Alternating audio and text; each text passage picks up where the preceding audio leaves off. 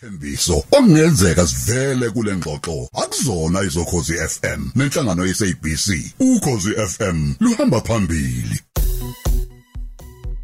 Kanti ke sithi vuka uqonde kabanzi ngezepolitiki nokhanya emagubane umhlaziwe zepolitiki ozimele khanya sikubingelele emsakazweni kungumsombuluko. Ngiyanibingelela studio ninjani ngithemba ukuthi nonke nifudumele hayi sifudumele ngempela futhi nje ngisithemba ukuthi nawe ah, umkhuhlane uyawubalekela ngazo zonke indlela angazi zonke indlela sengivela kuwona eh seng- sengipholile ngicinile ngomqemane oh kusho ukuthi siyafani le genge sibuya ngakhona. Hayi sesibuya khona sesiphethe amamendlele wakhona manje sesiyababukela bonke emaceleni begula thina sesibuya khona. Eh, ubamba ngisho abahlaziya uhlaziya ngangani ungakafiki. Awuhlaziya ngangani ungakafiki. Ngizamile ngizamile. Ngathi imikhuhlane ndini hlukana nami. Awungazi mina ukuthi ngubani. Hlukana nje nami. Phuma emzimbeni. kulungile. Khanyi nayi indaba kodwa la ke sixoxeni nje mhlambe sibuke nje amaphuzwana amathathu. Ake sibuke udaba oluthinta icope la eh nokuxoshwa kuka Willie Madisha eh ukuthi ke mhlamba sisuke kuwo wonke ama structures eparty kushuthi kuyo zonke igaba eh zenhlangano. Kusho ukuthini lokho?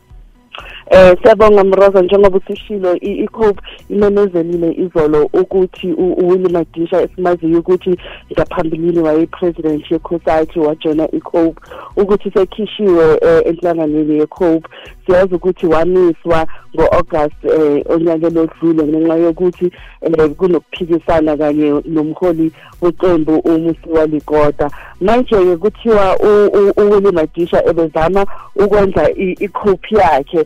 Konke kwenziwayo naye uyakwenza. U- loko asolwa ngako atholwe anecala ngako ukuthi a- aplane ama-press conference eh angekho emthethweni. Siyakhumbula kuke kwavele e-tv kuba ngathi kune-press conference kwafika abantu babhidliza babhidliza. Kunengxabano nje eziningi manje siyabona ukuthi isithathe lesinyathelo sokuthi i- i- ilikhiphe enhlanganweni nasephalamende kuthiwa u- uzolahlekelwa yisona isihlalo sakhe eh, ephalamende. Engicabanga ukuthi mhlawumbe eh, ngokubona kwami i- isiqalo s- sokuthi iCope iyazama ukuzibuyisela esimeni sayo Eh, siyazi ukuthi kwesinye isikhathi i- i- i- i- inhlangano ibe iye ibe mahlikihliki ngenxa eh, yabantu abangaphakathi. Asazi ukuthi mhlawumbe izama ukustabilize iparty ngoba siyazi ukuthi ama-election nawa ayeza next year. Esibonayo ukuthi ama-party nama-party aseyazama ukulungisa ukuqondisa igwegwe eziningi. Sithemba ukuthi mhlawumbe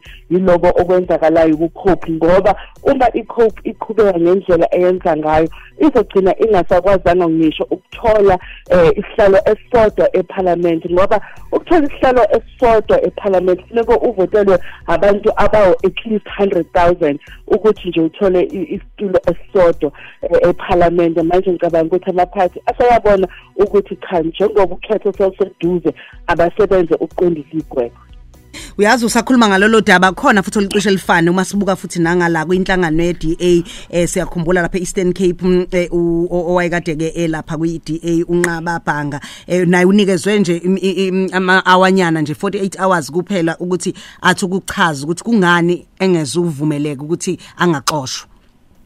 Ehe u- u- unqaba njengoba usishilo u- u- ubeke iy'ntolo e- e- e- ezinzulu kabi ku-helen zile ukhombe wamsola ngokuthi uyi-racist nanokuthi uhelen zile u- unama-file a- awagcinile kuyena ngabahola babantu abamnyama abaphakathi kweqembu le-d a. Manje-ke i-d a imthathile yamfaka phambi kwe-disciplinary committee engicabanga ukuthi i-d a nayo kunokuthi ihambe iloku ifake abantu kuma-disciplinary committee.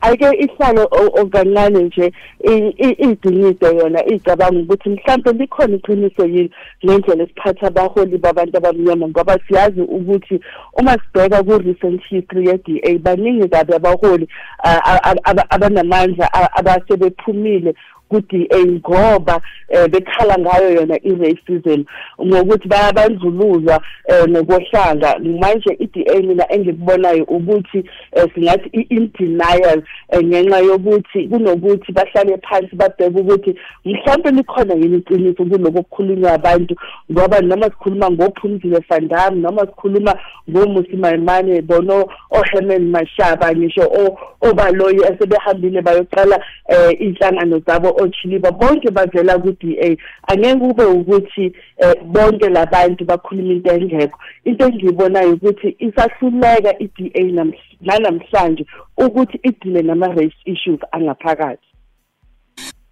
Singabuka udaba futhi olunye kulokhu lixoxwe njalo lithinta eh u Chief Justice Raymond Zondo eh mayelana nokuphawula kwakhe ngodaba olithinta mm, eh ukuqhwagwa kombuso esho ukuthi ke ubuke ngathi uma ngahle kuthiwa mhlambe kwenzeka esinye isimo futhi esicishe sifane noma esiqhubekayo akaboni iParliament lingakwazi ukuthi likuvikele lokho. Ubona engathi alikwazi ukuthi limelane nalabo abaqhwaga amandla ombuso. Sekunembono ehlukahlukene. Mhlambe kulokhu kusho ukuthini kwiningizimu Afrika? Mm. Njengoba sikhumbula Mroza kulo kulonyaka odlule eh u Chief Justice Raymond Zondo waqeda uphenyo lakhe le state capture kwa kwaba nama report eh, athunyelwa kumongameli kwa kwaphinde futhi kwaba nama recommendations ukuthi ukuthi i state capture singenzeki futhi kuhleke kwenzeke lokhu nalokhu nalokhu. Manje ke uchief justice uyakhala ukuthi eparliament bahamba ngonyawo lonwabo bahamba slow kakhulu.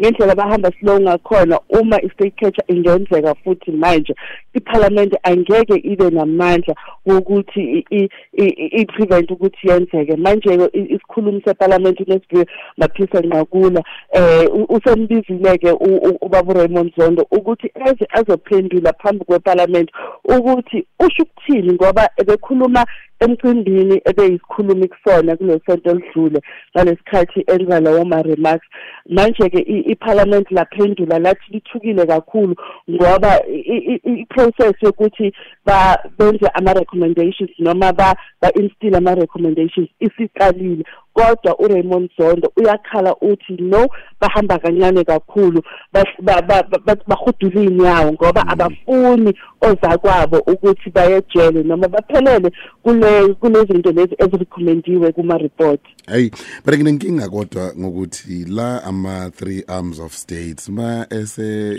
buyithatha back nje from ama ama, ama allegations enziwa u PP eh umkhubana mm. and then eh babu Zondo naye methola iplatform yakhuluma nanti parliament seliyaphendula bebekena ndawo lapho bengahlala khona beze bezo um khuluma kanje esidlangalaleleni and iningizimu Afrika ithembele kubona njengama arms of state mm njengoba usho akukuhle ngempela ukuthi kube ukuthi abantu benza konke lokho emehlweni womphakathi ngoba kusuke kubonakale ngathi abavumelani hmm. kusuke kubonakale ngathi omunye naye ufuna ukubonakala enamandla ukudlula omunye lokho sikubiza eh, ngesingisi sithi power mongering eh, abantu abafuna ukubhekisana ngamandla ukuthi ubani onehashe okukhulu ukudlulela lomunye ekungathi eh kuyinkinga kakhulu wena sigcemeza ukuthi abantu abafuni ukufinyelela kuma recommendations wema report hmm. ukuthi kufuneke abe instituted bayabaleka